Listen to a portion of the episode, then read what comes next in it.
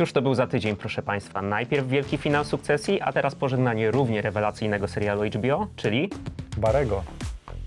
I to właśnie jego weźmiemy pod lupę, a rozmawiać będą Jakub Popielecki. i Maciej Łuka. Zapraszamy na Serial Killers.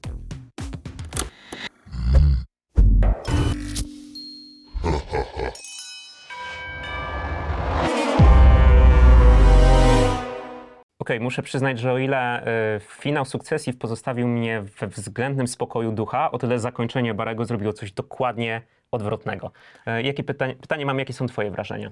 Spokoju ducha? ducha? Tak, tak, we względnym. Nawet lubiłem Matsona, więc Okej, no czy Bary to jest taki serial, który raczej nie zostawia nas w spokoju ducha. Nie. I to i, i, im głębiej w serial, tym gorzej. No to serial, który zaczynał się jako jeszcze z grubsza coś komediowego, no to na, na wysokości czwartego sezonu z tej komediowości został chyba tylko 30-minutowy format. przebyliśmy długą drogę, jak w Szybkich i Wściekłych. Mieliśmy pościg e, w poprzednim Tak, sezonie. tak, tak, w pewnym sensie. E, No ja powiem ci, że ten finał taki był bardzo dyskusyjny, może tak. Mhm. W, sensie, w takim sensie, nie że nieudany, ale że jest o czym dyskutować, wydaje mi się. Chociaż chyba będziemy rozmawiać bez spoilerów, żeby może jednak Tak, zachęcić. wydaje mi się, że Wydaje tak. mi się, że to jest... nie- Bezspoilerowa recenzja. To jest serial nie tak popularny, jak zasługuje. Ale czy to jest rozczarowanie całym finałowym sezonem, czy tylko ostatnim odcinkiem? Nie, nie, nie. Ostatni odcinek jest... e, Cały sezon był bardzo ciekawy moim zdaniem. Mhm. Podobał mi się. Jakby generalnie Bary utrzymał wysoką formę. No chociaż porównanie z sukcesją jest dość e, niefortunne, tak bym powiedział. Okej. że sukcesja w dużo bardziej jakby oczywisty i taki spełniony sposób dobiegła do, do mety. Bary w taki trochę bardziej mieszany, ale to jest też natura Barego, wydaje mi się, że to jest Mhm. taki bardzo, bardzo nieoczywisty serial, bardzo taki łączący ciepłe z zimnym i śmieszne ze strasznym. No właśnie, to jest... I, I poczucie, że nie wiadomo, co z tym zrobić, wydaje mi się, że jest być może właściwym poczuciem. Otóż to, e, warto tutaj wspomnieć, że my mieliśmy jakieś kilka miesięcy temu taką zakulisową rozmowę z Kubą odnośnie Barego i doszliśmy do takiego wspólnego wniosku, że to nie jest serial, który się łatwo omawia. Mhm. E, między innymi właśnie z powodu tej niejednoznaczność, niejednoznaczności, Mhm. e, to jaką długą drogę on e, przeszedł od czarnej komedii, historii zabójcy, ex-marines, który postanawia e, zostać aktorem. Przeszliśmy przez satyrę o Hollywood, o show biznesie. Cały czas Barry prowadził też jakiś taki dialog z kinem gangsterskim, podlanym farsą oczywiście. Mhm. No i wszystko to właściwie skłania nas do tego, żeby zadać krótkie, aczkolwiek bardzo, bardzo trudne pytanie, czyli czym jest Barry? Pytanie natury filozoficznej. czym jest cokolwiek. E, e, także z barem jest tak. Wydaje mi się, że kiedy ludzie myślą, sprzedaj komuś barego. Barego. Mhm. Mówisz tak. Morderca na, na zlecenie zostaje aktorem i wydaje się, że już wiesz, w jaką stronę to idzie. Myślisz Dexter, myślisz a Bill Hader, a Saturday Night Live, tak. wiadomo. Mhm. Nie, Nie. to nie jest Bary. I wydaje mi się, że ten kontekst Dextera jest o tyle tutaj przydatny w rozmawianiu o Barym, że Bary nie popełnia wielu błędów, które popełnił Dexter. Okej. Między innymi jest to błąd w Dexterze, błąd utrzymania za wszelką cenę status quo. Taki klasyczny serialowy błąd, że to jest serial o tym, więc trzymamy się tego przez 8 sezonów. Mhm. E, no i przy, w przypadku Dextera było to na przykład ukrywanie przed wszystkimi bliskimi głównego bohatera, że on jednak wiadomo, co tam robi po nocy. E, w Barym nie było tego. W Barym wydaje mi się, że e, cechą Barego jest taka jakaś bardzo fajna em, scenariuszowa lakoniczność. Okej. E, że po prostu w- prosto, prosto do mięcha. Że omijamy te wszystkie jakieś takie scenariuszowe podbudowywanie rzeczy, po prostu pach, pach, pach, pach, pach. I to jest o, o tyle ciekawe, że jest to nietypowy sposób opowiedzenia historii, takie może trochę nawet kreskówkowe miejscami. Mhm. E, to raz, a dwa, że to dobrze oddaje samą naturę swojego e, bohatera, głównego bohatera, który jest taką osobą bardzo asocjalną. E, Jak nie podejmę, nie podejmę się zdiagnozowania Barego. Czy on jest, y, czy on jest gdzieś w spektrum autyzmu, czy on jest socjopatą, czy on jest psychopatą, Mhm. jak to w ogóle Pogrążony w depresji. Na pewno jest osobą, która ma problem z, z takimi społecznymi konwenansami, z zrozumieniem zachowań interakcji międzyludzkich, ma problem ze small talkiem, tak to Mhm. możemy... I to jest też taki serial, który nie bawi się w small talk właśnie. I Okej. wydaje mi się, że to jest y, dużą, dużą zaletą i dużą atrakcją Barego. Powiedziałeś już sporo o Barrym Bergmanie, ale myślę, że e, to jest trochę klucz do zrozumienia tej historii, to znaczy przyjrzeć się bohaterom. Dlatego mm, warto teraz porozmawiać, myślę, o tym, co się dzieje w ogóle w czwartym sezonie i gdzie się znajdujemy. Mhm. No bo spójrz, na dobrą sprawę, jakby się nad tym zastanowić, to każde, każda z tych postaci jest w pewnego rodzaju klatce. Czy to dosłownej, jak Barry i Fuchs, którzy znaleźli się w więzieniu, czy w takiej klatce metaforycznej, jak Sally czy Hank. Mm, I każdy z nich podąża tu cały czas za jakąś swoją e, upragnioną tożsamością, bo to jest też o tym serial, tak? Barry chce przestać być zabójcą i zacząć być dobrym człowiekiem. Sally chce przestać być ofiarą przemocy, a zacząć być docenianą e, aktorką i artystką. E, Hank ma szansę na to, żeby prowadzić szczęśliwe życie z Cristobalem i porzucić kryminalny fach, ale cały czas jednak e, marzy, żeby być tym kryminalnym e, master, mastermindem. E, Nie wiem, być może jakie do końca motywy kierują Ginem Cusino, ale e, zmierza... Chce być znany, chce być sławny, chce być kochany. Tak, chcę, żeby Hollywood się trochę o niego Motywy narcystyczne. Tak Motywy zwane. narcystyczne. E, Natomiast zmierzam do tego, że wszystkie te e, pragnienia i dążenia do tego, kim chciałbym być, Mhm. spotykają się tutaj na tym kursie kolizyjnym, w tym koszmarnym świecie, który rysuje e, tutaj Bill Hader, ponieważ jest to no, chyba najmroczniejszy sezon. No, no zdecydowanie. Także tutaj wydaje mi się, celna jest ta metafora aktorstwa, którą też uruchamia ten serial. No bo Tak. Barry chce zostać aktorem i to jest w pewnym sensie serial o aktorstwie. Nie, nie mówię tylko o tym, że w trzecim sezonie bodajże pojawia się ten motyw satyry na Hollywood, tutaj zresztą kontynuowany, ale mówię też o tym, że każda z postaci w pewien sposób gra jakąś rolę i też przed sobą. Każdy udaje przed sobą, Tak. że jest kimś innym. Jakby Sally wyolbrzymia swoją figurę siebie jako ofiary. Kuzino nie widzi tego, jak bardzo jest zakochany w sobie. Sobie. Barry też wciąż udaje przed sobą i światem, że jest dobrym człowiekiem. No to jest znamienna, genialna ta, ta sekwencja, w której Tak. Barry y, szuka podcastu, religijnego podcastu, w którym znajdzie dowód na to, że jednak można zabijać ludzi, Tak. żeby, żeby czuł się jakby oczyszczony z grzechu.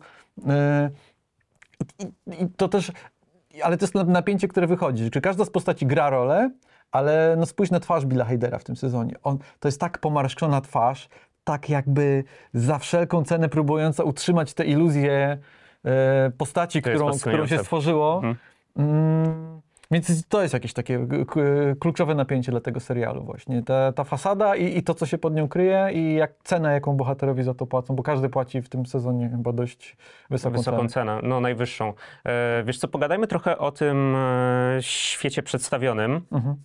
Gdzieś mniej więcej w połowie e, tego sezonu wybiegamy z e, całą akcją w przyszłość i znajdujemy się e, wraz z Sally Mhm. i z Barym na jakimś takim domku na prerii, rodem trochę z, nie wiem, aż poleje się krew, pola Thomasa Andersona. Mm, No i to jest, oni są zbiegami, uciekają przed policją i to jest jakaś taka koszmarna wizja egzystencji wyjęta niemal, nie wiem, z Alberta Camus albo Franza Kawki, gdzie absolutnie nic się nie zgadza. Wszystko jest, e, wszystko jest na jakimś wyparciu, na poczuciu krzywdy. Mm, No nie wiem, No to było tak dziwne, że, że bardzo długo trwała spekulacja, czy to są być może jakieś sceny wyobrażone, czy to są Właśnie. sny, bo już w poprzednich sezonach pojawiały się te motywy tych takich snów Barego, ta plaża wyrzutów sumienia, na której stoją wszystkie jego ofiary i patrzą się na niego właśnie z takim spojrzeniem wyrzutu. E, I przez długi czas myśleliśmy, że to jest może to. Okazuje się, że nie. E, Ale i tak to, to jakoś pracuje z tym, z tym tematem wyparcia, bo to jest jakaś rola, którą oni próbują odegrać. Budują Tak. sobie domek, y, wcielają się w rolę przykładnego męża, y, dobrej Rodziców. żony, rodziców, ale to tak jak u Davida Lyncha, to jest tylko fasada i ja nieprzypadkowo tego Lyncha przywołuję, bo tutaj Mhm. jakby Bill Hader, reżyser, wjeżdża w takie bardzo lynchowskie miejscami sezony. Kojarzyło mi Tak. się to dość intensywnie z trzecim sezonem Twin Peaks zwłaszcza. Mm, No na przykład ta scena, w której Sally jest prześladowana przez kogoś, a może przez wyrzuty sumienia po prostu. w ogóle ten moment, kiedy... e, To się miejscami do horroru wręcz zbliża. Tak, ten moment, kiedy Barry wraca się do Hollywood, żeby e, zabić Gina Cosino, bo istnieje ryzyko, że któraś z wytwórni zrealizuje film na podstawie jego życia, co najprawdopodobniej zdradzi ich miejsce pobytu. Mhm. E, I tam jest taki moment, w którym Sally zostaje sama z synem i widać po niej, jak bardzo ona nie chce tego życia, jak bardzo e, nie chce być z tym synem, tak? E, no, to jest naprawdę taka mocna rzecz, gdzie myślę, że wielu widzów się spotka z jakąś taką ścianą, bo jesteśmy już bardzo, bardzo daleko e, od tej czarnej e, komedii. Chociaż, chociaż te elementy tej czarnej komedii wciąż pozostają. No, mamy kilka scen akcji, które są mistrzostwem inscenizacji, mistrzostwem komedii, mistrzostwem slapsticku. No o, oczywiście Jasne. miejscami to odjeżdża w takie rejony, tak jak już użyłem wcześniej chyba porównania, że to jest kreskówkowe. Tak samo jest w tym wypadku.